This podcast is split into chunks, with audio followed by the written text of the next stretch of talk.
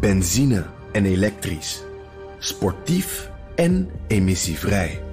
In een Audi plug-in hybride vindt u het allemaal. Ervaar de A6, Q5, Q7 en Q8 standaard met quattro vierwielaandrijving. Wat u ook zoekt, u vindt het in een Audi. Audi. Voorsprong door techniek.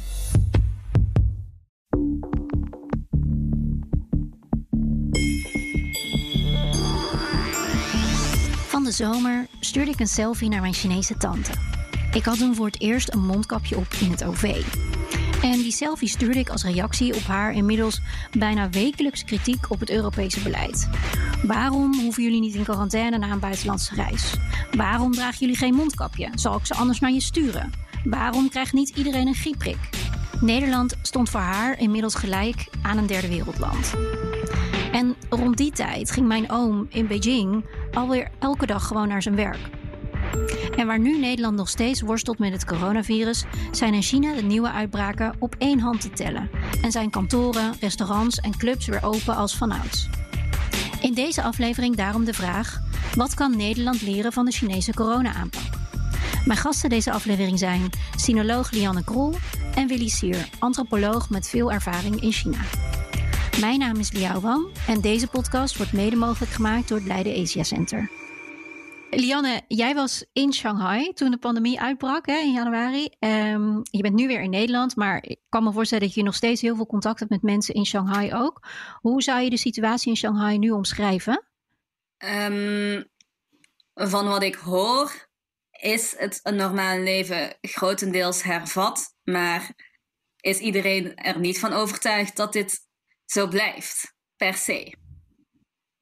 Dus mensen gaan weer naar feestjes en zo, maar ze zijn ook wel nog alert. Ik hoor niet, ja, je hoort aan de ene kant, of ik hoor aan de ene kant dat um, ik heb een vriendin die bijvoorbeeld liever niet nog naar de bioscoop gaat, omdat veel mensen uh, halverwege de film dan hun mondkapje afzetten. En aan de andere kant krijg ik mee dat um, mondkapjes als maatregel nu um, heel erg strak ingevoerd zijn, maar dat er niet per se andere. Um, dat, dat niet per se alle andere maatregelen die we hier nemen ook daar evenveel opgevolgd worden. Dus het is een beetje gemengd. Aan de ene kant zijn mensen ontspannen en aan de andere kant hoor ik dat er ook gewoon nog veel onzekerheden bestaan, vooral over de toekomst natuurlijk. Ja, en Willy, um, jij maakte in mei een prachtige reportage over arbeidsmigranten in Wuhan en hun terugkeer naar werk. Uh, daarin zagen we eh, bijna een ontwakende stad, waar zeker nog niet alles normaal was. We zijn nu natuurlijk weer een paar maanden verder. Uh, hoeveel zorgen maken mensen in Wuhan zich nu nog over het virus? Uh, ja, wat ik hoor is dat um, dat het, dat het normale leven wel grotendeels hervat is. Sommige van mijn uh, informanten, zoals ik hier vaak noem, hebben ook weer gereisd. En deze week hoor ik bijvoorbeeld dat nu ook in de metro geen temperatuuropname meer wordt gemaakt. Dus dat is dat een van de laatste ja, herinneringen aan COVID nu ook is verdwenen. Dus als ik jullie zo hoor, dan is de situatie in China best heel anders, best veel dichter bij gewoon normaal eigenlijk dan, dan in Nederland, zelfs in het epicentrum van de uitbraak. Ik ben best wel benieuwd hoe dat dan zo is gekomen, dat dat zo, uh, zo snel terug is geveerd eigenlijk. Dus Lianne, als we teruggaan in de tijd, naar januari rond Chinees nieuwjaar, toen was jij in Shanghai, toch? Klopt. En wanneer merkte je voor het eerst dat er iets aan de hand was?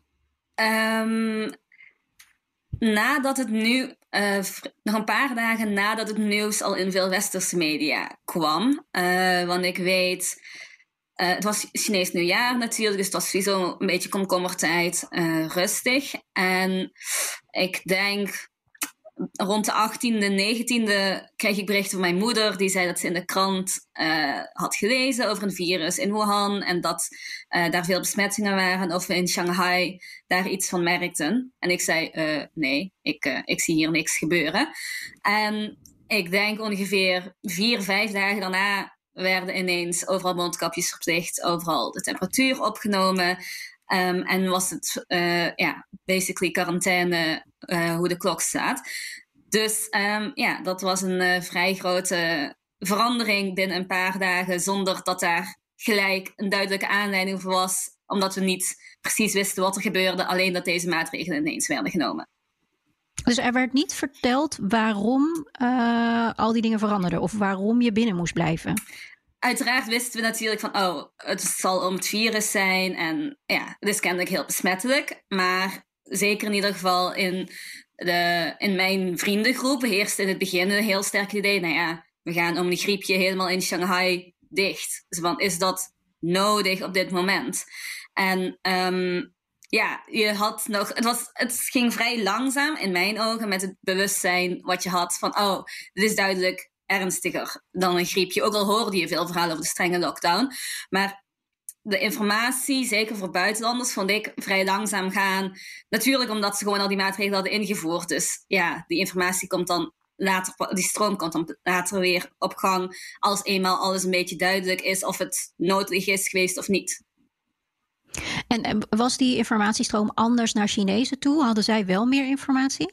Mm, ik zou zeggen persoonlijk dat we um, grotendeels in hetzelfde schuitje zaten, maar dat er wel andere zaken waren waardoor Chinezen in mijn ogen mm, minder vraagtekens erbij zetten. In zekere zin, want voor veel buitenlanders was ook het moment om naar het buitenland te gaan, om naar je familie te gaan met Chinees nieuwjaar. Dus er was veel vraag over de vliegtickets en over dat soort zaken. En ik denk voor Chinezen gold dat ook, want veel mensen zaten vast bij hun familie bijvoorbeeld. Maar dat is een iets andere situatie dan wanneer je de halve wereld overgaat. Dus dat is ook mijn beperkte bubbel waar ik in zat. Dat iedereen ineens was van, oh, we weten niet precies wat er gebeurt en we moeten eigenlijk het land uit. Versus de Chinezen die ook niet altijd wisten wat er gebeurde, maar die zaten ja, in hun eigen land, die zaten dan ergens vast. Dat is een, ja, een, ander, um, een ander standpunt. Was minder heftig misschien, ja. En Willy, jij was hier in Nederland, maar had min of meer toevallig voor een eerder onderzoek al contact met mensen in Wuhan hè, en ook volgens mij met mensen in Beijing. Uh, wat hoorde jij van je, van je informanten in Wuhan? Ja, het was eigenlijk een beetje een vreemde situatie. Want uh, heel toevallig gingen twee van mijn informanten uh, daar voor de eerste keer naar het buitenland. Precies in de week van de virusuitbraak. Dus bij ons ging het er vooral heel erg over of ze nog konden gaan. Want ze hadden het al betaald. En het was echt een grootste gebeurtenis in hun leven. Tot zover hadden ze zo lang naar uitgekeken. Dus zou het nou echt zo zijn dat deze de reis waar ze al hun spaargeld in hadden geïnvesteerd. En de eerste keer dat ze naar het buitenland ging niet door zou gaan. Omdat er een virusuitbraak was. Dat was uh, iets wat heel erg speelde. En zij zijn toen net een dag voor de lockdown in Wuhan nog net de stad uitgegaan. En naar een vliegveld. En vanuit daar dus naar Italië gevlogen. En daar werd het toen heel spannend. Want toen bleek hoe serieus de zaak was. En toen zaten ze daar in een reisgroep waarin zij twee jonge vrouwen uit Hubei-provincie waren. En dat werd door de rest van de groep niet zo gewaardeerd. Dus dat, mm. dat was een, startte een heel drama. Wauw, maar ik hoor jullie allebei zeggen van in het begin was het heel, heel praktisch. Kan mijn reis nog wel doorgaan? Uh, kan, ik, kan ik nog wel mijn plannen uitvoeren? Uh, Lianne, wanneer had je voor het eerst het gevoel van wow, dit is, hier is echt iets heel ernstigs aan de hand? Um, ik denk persoonlijk dat dat echt wel anderhalf, twee weken heeft geduurd. Want ik weet niet, de eerste week was ik ook met veel vrienden gewoon aan het grappen van, nou ja, als we toch niks kunnen doen, laten we gewoon naar het buitenland gaan. En ik kan het niet aan, alles is dicht. En wat doen we hier nog? En wat heeft het voor zin dat alles nu dicht is? Waarom is dat überhaupt... Wat, wat, wat, is überhaupt het perspectief voor de toekomst? Dus dat was um, ja, in het begin heel erg onduidelijk, waardoor iedereen, waardoor iedereen in mijn omgeving ook heel sterk had. Nou ja, uh, we moeten hier kennelijk mee dealen. Dan, uh, ik bedoel, alleen China is op dit moment nog dicht. Laten we gewoon kijken wat er dan mogelijk is. Ik ben uiteindelijk niet naar het buitenland gegaan. Want ik dacht, nou ja, kan ik toch niet zomaar maken dat ik alles oppak en dan ineens in het buitenland vastzit. Want dat was inderdaad wel. Die, die praktische inslag zorgt er wel voor dat je niet dat in mijn geval in ieder geval niet ineens uh, rare dingen ging doen. Maar tegelijkertijd kwam het bewustzijn er pas echt dat het ernstiger was toen inderdaad je verhalen hoorde van, oh, het gaat naar het buitenland, mensen in het buitenland komen vast te zitten. Uh, het is niet meer zo vanzelfsprekend dat je, als je naar het buitenland bent geweest, gewoon over een paar weken terug kunt komen. Dat kunnen misschien maanden zijn. En het had ook met mijn werk te maken, want in het begin was het natuurlijk nog van, oh, hè, virusuitbraak vervelend, de reis in april en mei kunnen misschien niet doorgaan. En toen ineens was het, oh nee, dit is iets langere termijn. Waarschijnlijk ook de zomer staat ineens uh, op losse schroeven. Dus ja, dat voortschrijdend inzicht kwam. Maar dat uh, kwam niet super snel in verhouding. En hoe, hoe was dat in Wuhan?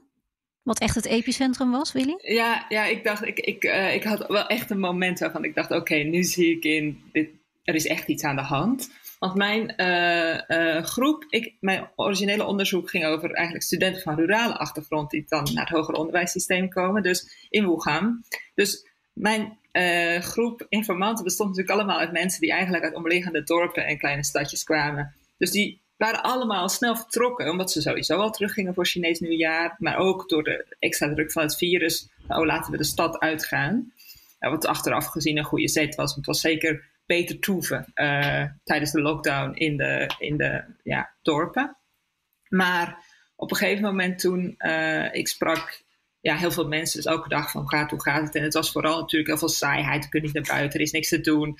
Uh, ik ken eigenlijk niemand die dit virus heeft. Dus ja, verder weinig te vertellen. En toen op een gegeven moment een van mijn informanten plotseling wel echt in paniek, uh, paniek mij video belde met het nieuws. ja, mijn buurman heeft het. En toen zijn we in een soort van vlaag van paniek ons gebouw uitgegaan. Dat was zij, haar schoonouders en haar man. Dus dat een man die was er net een paar maanden daarvoor getrouwd met een beetje tegenzin. Dus dat was er geen ideale situatie. En toen zijn ze dus vertrokken naar een opslagplaatsje dat ze altijd al hadden. Dat was van die familie. Uh, die maakte tofu, wat ze verkocht op de markt. En dat was dus een opslagplaatsje waar ze hun tofu-machines hadden. En dat was echt een schuur. Zonder verwarming, zonder, zonder niks erin. Dus uh, toen zaten ze daar met z'n vieren van ja, en nu? Dus toen hebben ze kunnen regelen dat er dus één bed werd neergezet, waarin ze dus met z'n vieren hebben geslapen, echt wekenlang. Omdat ze zo bang waren voor uh, die besmetting. En ja, toen was het wel heel erg naar, want ze zaten daar, die, die schoonouders waren al wat ouder, er was geen verwarming, er was geen toilet. Uh, toen was het plotseling de situatie heel nijpend. En uh, ja, werd het heel echt van oké, dit is echt eng. En, en, wat mij opvalt is dat jullie allebei vertelden van er is best een lange tijd geweest, wel weken, ook, ook in Wuhan. Als ik dat zo hoor, dat mensen eigenlijk een beetje dachten, nou, ik ken niemand van, met het virus, is het wel echt nodig? Maar tegelijkertijd hoor ik jullie ook allebei zeggen dat iedereen zich aan de regels hield. Dus alles ging dicht, mensen kwamen niet op straat, je kon inderdaad niks meer doen. Uh, hoe, hoe hangt dat samen? Willy, hoe kijk jij daar bijvoorbeeld als antropoloog naar? Dat aan de ene kant ja, maak je je geen zorgen en aan de andere kant ga, ga je direct mee in de regels die worden gesteld. Ja, het zijn een, een, paar dingen, denk ik. Want één, één is uh, nog steeds, ik bedoel, in vergelijking met de, het aantal mensen die het virus hebben gekregen in Nederland, natuurlijk is het aantal in China gewoon heel laag gebleven. Dus nog steeds vinden mensen in China het heel spannend als ze van mij horen dat ik mensen ken die het virus hebben gehad. Want zij hebben nooit iemand gekend die het heeft gehad in Wuhan. Dus, dus, uh, dus dat is eigenlijk zo gebleven. Maar wat mensen met alle regels meegaan, is denk ik ook iets wat soms een klein beetje overstated is, zeg maar. Dat is niet iets wat ik altijd zo heb gezien. Want natuurlijk in Wuhan, in het centrum van Wuhan, was de controle gewoon enorm. En dan als je echt in lockdown was, mensen woonden allemaal in uh, residentiële zeg maar, compounds. Dat kennen wij ook niet echt zo in Nederland. Dus je moet al door een hek om naar buiten te gaan. Er staat een bewaker, dat is altijd zo, ook als er geen virus is. Dus ja, er is meer controle. Je kan niet zomaar je huis uitlopen en je staat op straat. Maar uh, in de kleinere stadjes en in dorpen is dat heel anders. Dus ik zag niet per se altijd 100% uh, dat de regels werden opgevolgd. Er was zelfs wel zo dat mensen werden onder druk werden gezet om toch nog naar hun werk te gaan. In periodes waarin we eigenlijk in Nederland heel erg alleen maar nieuws kregen over dat niemand naar buiten ging. Werkte een van mijn informanten bijvoorbeeld in een taartenwinkel. En die baas die wou absoluut niet dicht, die wou blijven verkopen. Want de prijzen gingen ook omhoog en die had goede business. En zij moest elke dag blijven komen en dat ging lang door. Dus uh, ook in China was er nog wel veel, denk ik, een soort van onderhandeling soms over welke regels moeten worden opgevolgd en welke niet. Ook in dorpen gingen mensen bij elkaar achter de voordeur zitten, mahjong spelen. Uh, maar ze hadden dan wel bijvoorbeeld de weg gesloten naar het dorp. En in het dorp was geen virus. Maar dan wat binnen het dorp gebeurde, ja, dat was niet zo zeer zichtbaar. Dus... En hoe, hoe was dat in Shanghai, uh, Lianne? Ja, ik, um, ik denk inderdaad dat wat dat betreft uh, ervaar ik een beetje hetzelfde. Er zijn natuurlijk gewoon regels. Je temperatuur wordt overal gemeten. Je moet een mondkapje op. En, uh, maar je had geen avondklok bijvoorbeeld, inderdaad. Dus ja, um, je ziet dat uh, in mijn, toen ik in Shanghai was tijdens de lockdown, maakte ik gewoon een dagelijks rondje buiten de deur. Want ik woonde op 30 vierkante meter, dus ik had niet veel andere bewegingsruimte. En dan zie je gewoon wel, ja, je ziet gewoon mensen op straat, vooral veel oudere mensen. Want ik had het idee dat de meeste mensen van mijn leeftijd hebben in China vaak al een gezin, dus die zijn meer thuis. Maar je zag oudere mensen gewoon, ja, bij elkaar staan, praten, niet altijd met een mondkapje op.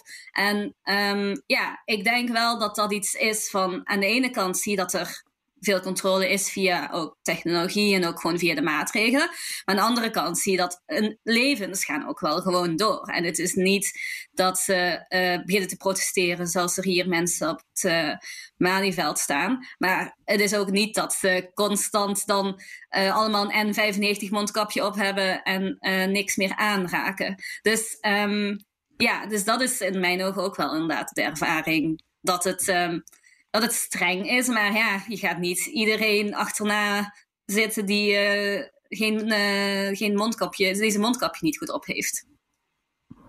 En, en jij vloog rond februari is, Lianne, vloog je terug naar Nederland, hè? Ja. Um, toen kwam je hier aan. Toen was hier eigenlijk volgens mij nog een beetje net niks aan de hand. Klopt. Hoe, hoe was dat voor jou? Wat viel je op? Uh, zeg maar, je kwam van Shanghai en toen in Nederland. Wat vond je van de verschillen? Nou, de vlucht vanaf Shanghai naar Nederland was sowieso al ja, vrij ongecontroleerd. Ik um, had geen rechtstreekse vlucht, ik vloog via Moskou. En het stuk Shanghai-Moskou had iedereen een mondkapje op. En toen ik in Moskou doorvloog naar Brussel, had bijna niemand meer een mondkapje op. Um, nergens ben ik gecontroleerd op de temperatuur. Uh, het was ook behoorlijk warm in het vliegtuig, dus daar was ik wel blij mee. Maar er werd geen temperatuur gemeten. Ik, had, ik moest een formuliertje invullen in Shanghai naar Moskou, maar in Moskou hoefde ik niks meer in te vullen naar Brussel. Ja, in Brussel konden we gewoon doorlopen en het was alsof je inderdaad ineens dacht van, oh ja, zo was het leven voorheen. En dit was het en dan nog drukker in China. Um, nou ja, en toen ging ik naar mijn ouders. En mijn ouders in echt wat zo ongeveer het tegenovergestelde is van een metropool als Shanghai. Dus um, dat verschil was niet, super, was niet super groot. Maar ik ging natuurlijk, ik ben naar de Randstad geweest en ik was op zoek naar een nieuwe baan. En het was heel, ja, het was een beetje surreal om ineens weer in een omgeving te zijn waar er totaal uh, of ja, niet totaal, maar waar er een stuk minder aandacht of bewustzijn voor was. Terwijl je de, de, tegelijkertijd al ja, op het nieuws zag van het gaat uh, de hele wereld rond. Uh, in Europa kleurden langzaam alle landen rood die een, een of meerdere gevallen hadden gehad. Dus je zag het aankomen, maar je voelde het nog niet. En dat was inderdaad een heel vreemde gewaarwording als je ineens uit een land komt waar je ja, toch wel vrij strenge regels hebt gehad die je ook niet echt kon omzeilen. En Willy, hoe heb jij daarnaar gekeken? Want jij vertelde net, nou, in Wuhan uh, waren er strenge regels. Toen gingen er mensen naar Italië, die kwamen uit Hubei. Dat ging ook allemaal niet best. In Nederland ja, hadden we denk ik in die tijd toch nog een beetje het idee van uh, ver van mijn bedshow. Het zal allemaal wel met dat rare Chinese virus. Hoe, heb jij bijvoorbeeld zorgen gemaakt dat we hier in Nederland te, laat hebben gereageerd of zo? Nou, ik denk dat wat ook belangrijk is, is dat in het begin dat die angst ook... Uh toch wel voortkwam uit het feit dat gewoon de hele wereld echt niet wist wat het virus nou eigenlijk was. En dat we ook echt niet wisten hoeveel mensen dood zouden gaan, uh, wat de effecten zouden zijn. Dus dat, het feit dat, dat, dat in China toen de tijd dat mensen ook zo'n beetje panikeren, ook te maken had met het feit dat ze gewoon de eerste waren. En, en tegen de tijd dat het dus bij ons aankwam, denk ik dat we wel iets meer wisten in de zin van: oké, nou je gaat niet meteen dood. Of uh, nou, als je jong en gezond bent, dan kan je het wel, uh, wel eventueel hebben. Dus, dus dat, dat veranderde natuurlijk de ervaring wel heel erg. Uh, dus in principe voelde ja, ik me ook wel relaxed. Ik denk dat het ook te maken heeft met dat wij zo'n goed gezondheidssysteem hebben. Dus we weten van nou, als er iets gebeurt, dan worden we ook wel goed geholpen. En ik kreeg dan vanuit China wel heel veel kritiek eigenlijk op mijn eigen gedrag. Dus ik ook uh, niet, niet altijd een mondkapje op had in het begin. En dat, ja, dat, dat, vonden mensen echt onbegrijpelijk. Ehm, dus ja, ik, ik voelde mezelf niet heel erg bang. Maar ehm, ja, het was wel. Toen het hier aankwam en ik sprak met mensen in China, had ik wel heel vaak dat, dat, dat zij vonden dat we er gewoon iets te licht over deden. En als je dat vergelijkt, hè, echt de officiële maatregelen of ingrepen die in China zijn gedaan versus in Nederland. Wat is voor jou het grootste verschil, Willy? Ja, voor mij is het grootste verschil is, de grenzen. In China, weet je, ik, ik, ik vind het heel grappig als uh, de vraag eigenlijk van hoe kan China zo succesvol zijn en Nederland niet? Uh, voor mij is, lijkt die vraag heel gemakkelijk te beantwoorden. Omdat we uh, ja, in China, ik, probeer al maanden om terug naar China te gaan, omdat ik heel graag daar weer verder wil gaan met onderzoek. En dat lukt niet, omdat ik de papieren niet kan krijgen. En als het me al zou lukken over enkele maanden, dan moet ik eerst twee weken in een hotel uh, onder quarantaine. Heel streng. Uh, mag je niet eens je kamer af. Dus natuurlijk is het dan gemakkelijker om iets te controleren dan in Nederland, waar vliegtuigen gewoon elke dag in en uit gaan. Daarnaast er zijn de laatste paar dagen zijn er een aantal uh, cases weer geweest in China, in Mancholi en in Tianjin. Nou, je ziet de maatregelen. Ze sluiten een heel ziekenhuis af. Ze sluiten een heel residential compounds af. Weet je, in die zin, natuurlijk onder normale lockdown, zeg maar, mochten mensen in principe nog buiten een rondje lopen. Maar als, jou, als jij een geval had in, jou, in, jou, in het gebouw waarin jij woonde, dan kan dat echt niet meer. Dan mag je gewoon een paar dagen niet naar buiten. Dat soort maatregelen kan je in Nederland niet voorstellen. Maar dat soort maatregelen, ja, gewoon gezond verstand vertelt mij dat dat natuurlijk wel helpt uh, als je een virus uh, wil, ja, onder controle wil houden. Ja, dus, dus als ik jou hoor, dan waren de, de ingrepen daar, zowel in het begin als nu, waren eigenlijk veel sneller en veel strenger. Klopt dat? Ja, en uh, die beperking van mobiliteit uh, kunnen ze daar veel verder doorvoeren. Ik bedoel, ik wil niet zeggen van, oh, dat moeten we hier in Nederland ook per se doen. Ik weet helemaal niet of dat kan. Weet je, we zijn zo'n klein land. We, liggen vast aan, aan België. En als, als wij dat bijvoorbeeld zouden doen en België niet, dan werkt dat al niet. Dus uh, ik, het is niet zo dat ik per se een oplossing weet. Of denk van, oh, we hadden het in Nederland heel anders moeten doen. Dat ook niet.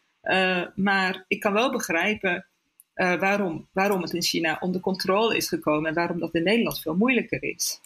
Ja, en in Nederland zie je natuurlijk ook um, heel erg veel discussie, ook publieke discussie. Nou ja, Lianne, jij noemde het net al, hè, demonstraties op het Malieveld, maar ook uh, continu discussies op tv en in de media en in de kranten. Hoe, uh, hoe was dat toen jij in Shanghai was? Ik bedoel, je vertelde net dat daar ook een beetje de vraag speelde: is het allemaal wel nodig? Hoe, hoe ging die discussie daar? Ja, dus ik zou inderdaad op, uh, op wat Willy inderdaad net zei, van waar de grens een ander belangrijk verschil is, of een ander belangrijk uh, belangrijk aspect aan hoe deze aanpak is verschild, heeft in mijn ogen ook te maken met een bepaalde houding die niet per se voor iedereen hetzelfde is in ieder land, maar wel een bepaalde houding tegenover de overheid. Wij zijn gewend uiteindelijk om inderdaad meer van die open discussie te hebben. En in China gaat het vaak een beetje omgekeerd. Dat er eerst iets wordt gedaan en dat er daarna dan, als het niet goed is of als er dingen anders moeten, discussie plaatsvindt of dat er dan aanpassingen zijn.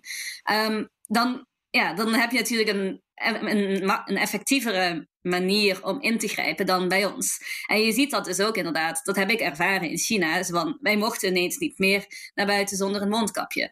Nou ja, dan ga je daarover met vrienden inderdaad en dan hoor je wel mensen zeggen van ja, ja, we moeten het maar doen. Maar ja, ik uh, zet hem ook alleen maar op als ik uh, echt de deur uit ga. En als ik bij vrienden thuis ben, dan zien we wel weer.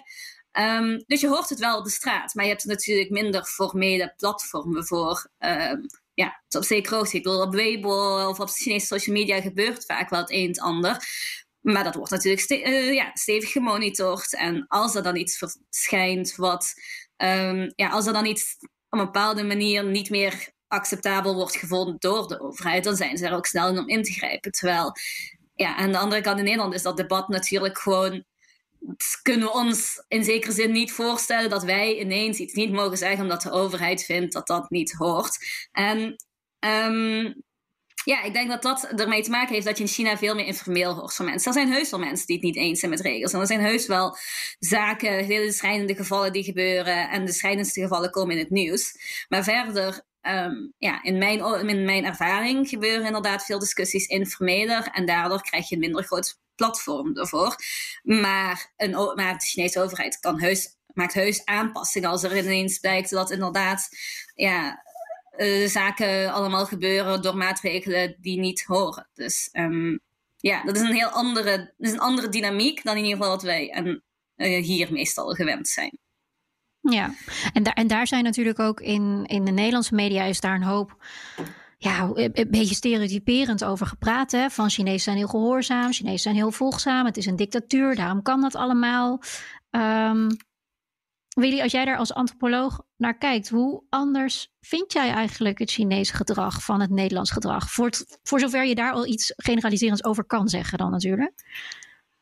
Ja, ja ik, ik uh, heb dat ook veel gezien. Dat er inderdaad in die termen wordt over wordt gesproken. En ik wil, eh, ik wil sowieso zeggen van, dat het eigenlijk een koloniale... dat het voortkomt uit de koloniale manier van denken. Uh, dat Chinezen gehoorzaam zouden, zouden zijn, maar dat redenen waarom mensen regels misschien beter volgen, dat je die ook, zeg maar, dat je daarover kan nadenken op een systematische manier. En ik heb het er dus even over gehad met een van mijn informanten, van waarom zou dat zo kunnen zijn? En zij legde er bijvoorbeeld uit van, nou, ze had ook allerlei ideeën daarover. En een van de dingen die ze zei was, van ja, wij waren ook heel erg bang en volgen die regels ook. Wij willen dat virus echt niet krijgen. Want wij hebben niet zulke goede sociale zekerheid. Ik heb het dan over mensen van rurale achtergrond. Dus als wij bijvoorbeeld dat virus krijgen, kost dat heel veel geld. Dan moeten we ons laten behandelen. Dan kunnen we misschien niet werken.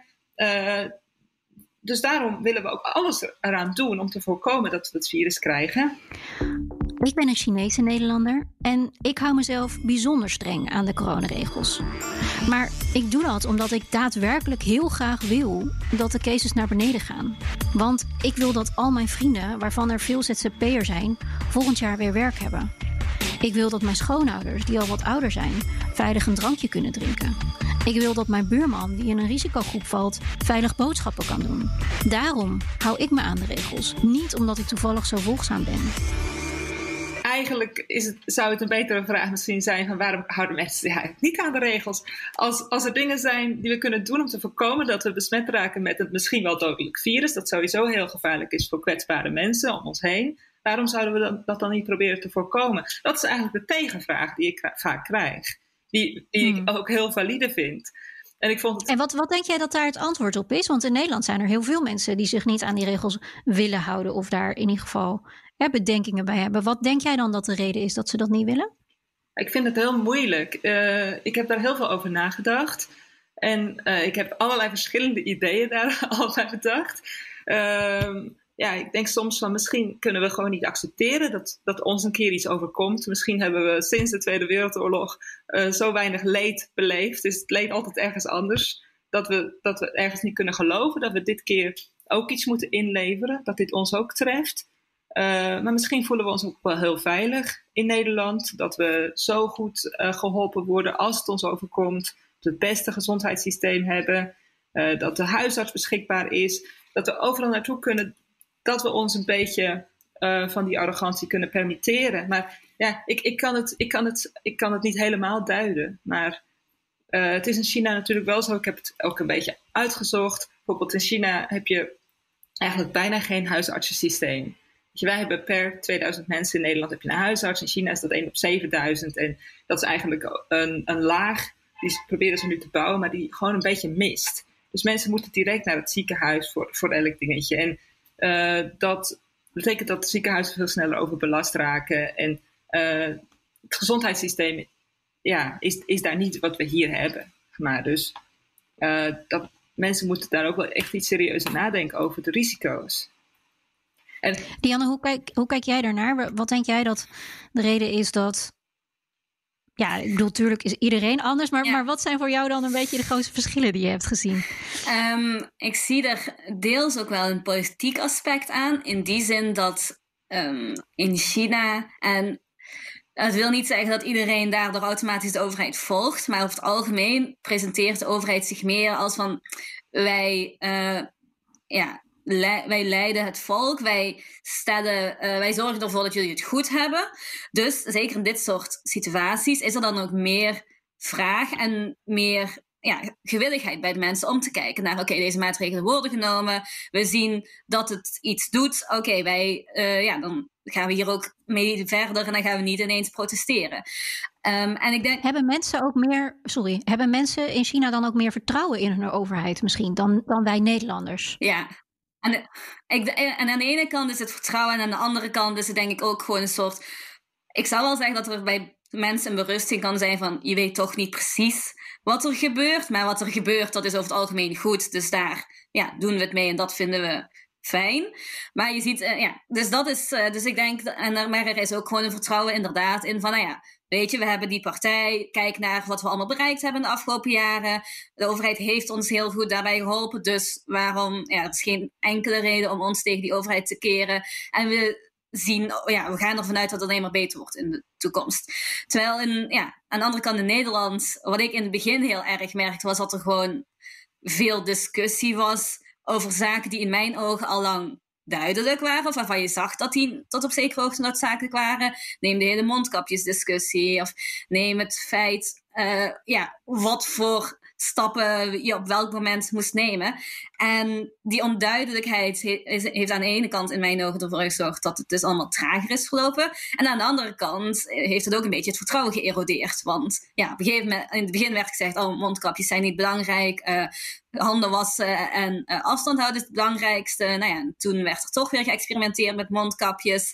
En daarna kwam er een app, maar die bleek niet veilig te zijn. Dus je ziet dat daardoor veel stappen zijn gezet, die ook weer deels terug zijn gedraaid. Ik heb tegenwoordig een beetje te houden van, nou ja, ik doe waarvan ik weet wat belangrijk is.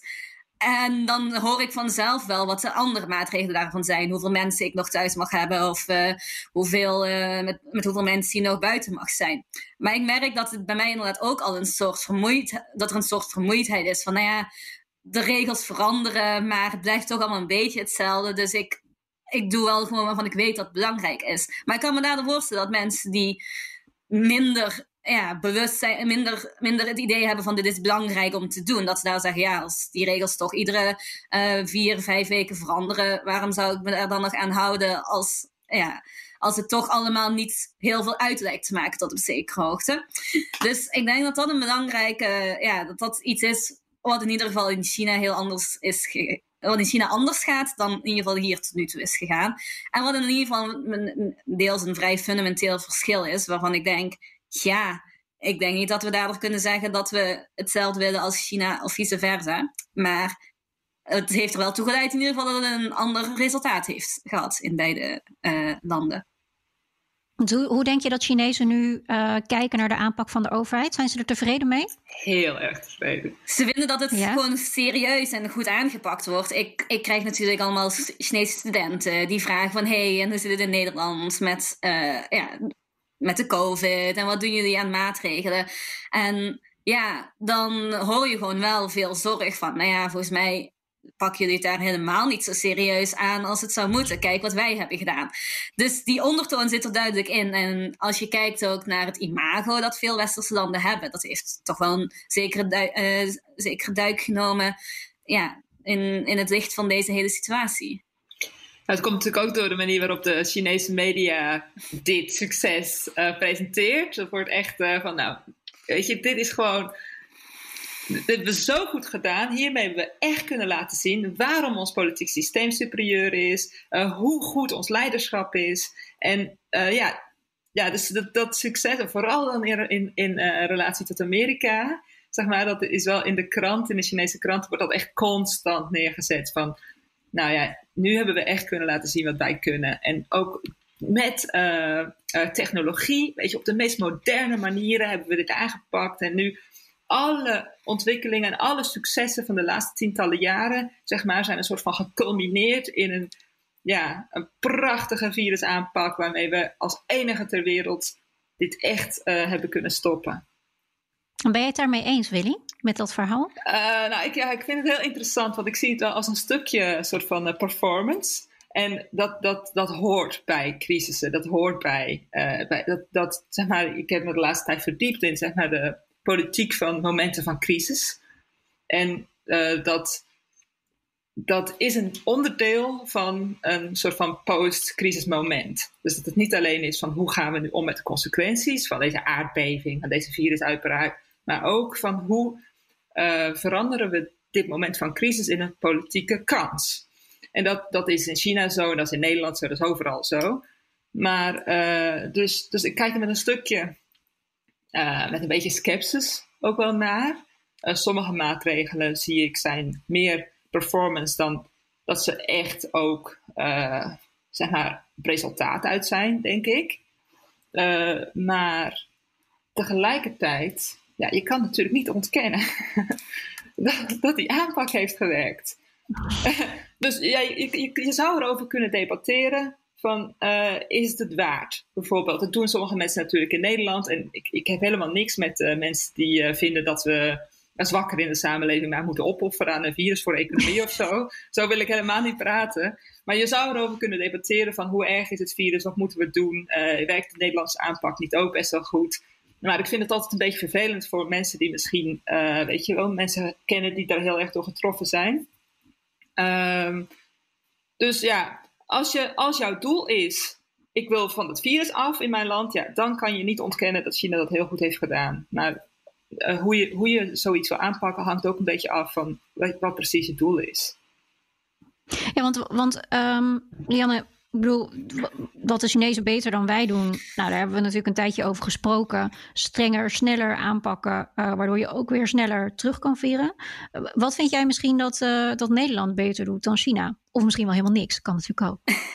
um, ik denk, en dat is in ieder geval waarschijnlijk ook omdat, ik, omdat, ja, omdat je het gewoon gewend bent. Maar ik vind het politieke systeem van openheid en transparantie vind ik wel prettiger dan dat je eerst een hoop dingen krijgt die je moet doen en daarna pas door krijgt hier, uh, dit zijn de redenen. Dus ik vind dat wel goed dat er veel in het openbaar gebeurt, maar ik denk inderdaad tegelijkertijd, ja, waarom, uh, waarom zoveel? Het is in ieder geval in mijn ogen op dit moment een beetje een overkill, want je hebt dan een persconferentie en je hebt dan praatprogramma's die de persconferentie gaan bespreken en dan heb je weer achtergrondartikelen die dat allemaal weer. Dus we zitten een beetje in een soort stroom waar je niet uitkomt. Um, dus ik denk dat dat, dat. En ik denk dat aan de andere kant de overheid zeker wel een soort daadkracht zou kunnen laten zien in de aanpak. Maar dat dat um, ja, een beetje verzandt doordat we openheid en transparantie willen laten tonen. Dus ik denk dat we normaal waarschijnlijk daar een betere balans in hebben. En dat die balans op dit moment een beetje zoek is. Dus dat, um, dat is in ieder geval mijn idee waarvan ik denk.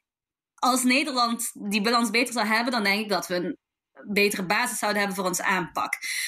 Maar dat is ja, misschien ook een beetje te idealistisch gedacht in die zin dat je dan. Uh, ja, dat hangt natuurlijk ook af van, van, van de bevolking en de medemensen, et cetera. Dus dat is een idealistische instelling, maar ik denk wel dat dat de grondslag is waardoor ik denk, ja, ik geloof wel in het Nederlandse systeem, omdat dat er een beetje aan de basis ligt. Ja, en die transparantie is goed, maar het moet niet, uh, wat jij net al zei, het vertrouwen eroderen doordat het helemaal kapot gediscussieerd wordt. Ja, of doordat je inderdaad over alles wat je doet dan transparant wil zijn. En als we hem eens proberen samen te vatten, en dan inderdaad, we zijn allemaal geen virologen of epidemiologen, maar zeker jullie uh, kijken natuurlijk heel erg naar gedrag en cultuur. Um, als je vanuit, die, vanuit dat oogpunt kijkt, wat zou dan één ding zijn waarvan je zegt dat kan Nederland echt leren van de Chileense corona-aanpak? Lianne, wil jij beginnen? Ik denk tot op zekere hoogte moeilijke, moeilijkere keuzes durven te maken. Als in, ik denk gewoon, ik weet niet precies waardoor de, de, de, de, zeg dat, de maatregelen lopen zoals ze nu lopen, maar ik heb het idee dat er gewoon te veel naar draagvlak wordt gekeken. En ik denk dat we gewoon in een tijd leven waarin we moeten, moeten zeggen van, nou ja, we gaan gewoon voor zover mogelijk dingen doen die belangrijk zijn en iedereen verplicht inderdaad een mondkapje te dragen. Of iedereen, uh, ja. En ik, ja, dus dat, dat zou mijn ding zijn, denk ik. De dingen doen die je moet doen, ook al vinden mensen ze niet leuk. Ja, en ook al krijg je, ja, dat denk ik wel. Ik denk dat dat in ieder geval iets is wat we beter, tot op zekere hoogte beter hadden kunnen doen. Willy, wat denk jij? Ik wil natuurlijk niet pleiten voor minder democratie. Um, op een bepaalde manier vind ik het ook wel heel mooi hoe, hoe we hier zeg maar, iedereen aan het woord laten en al deze dingen bespreken.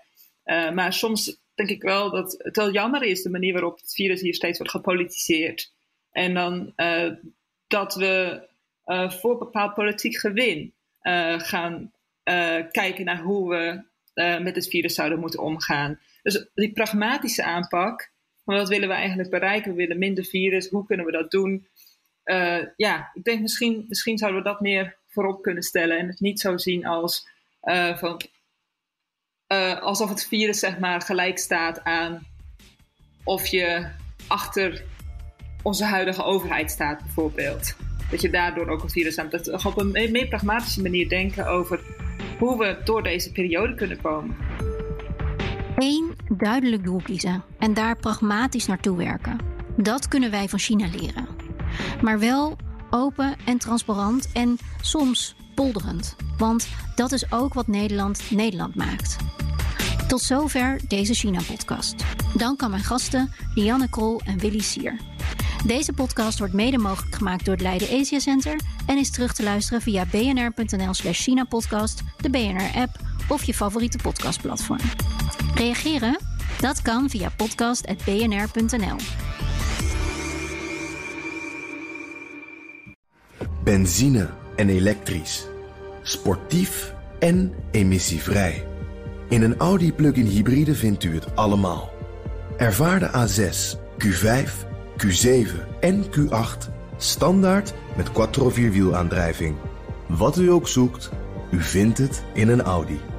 Audi. Voorsprong door techniek.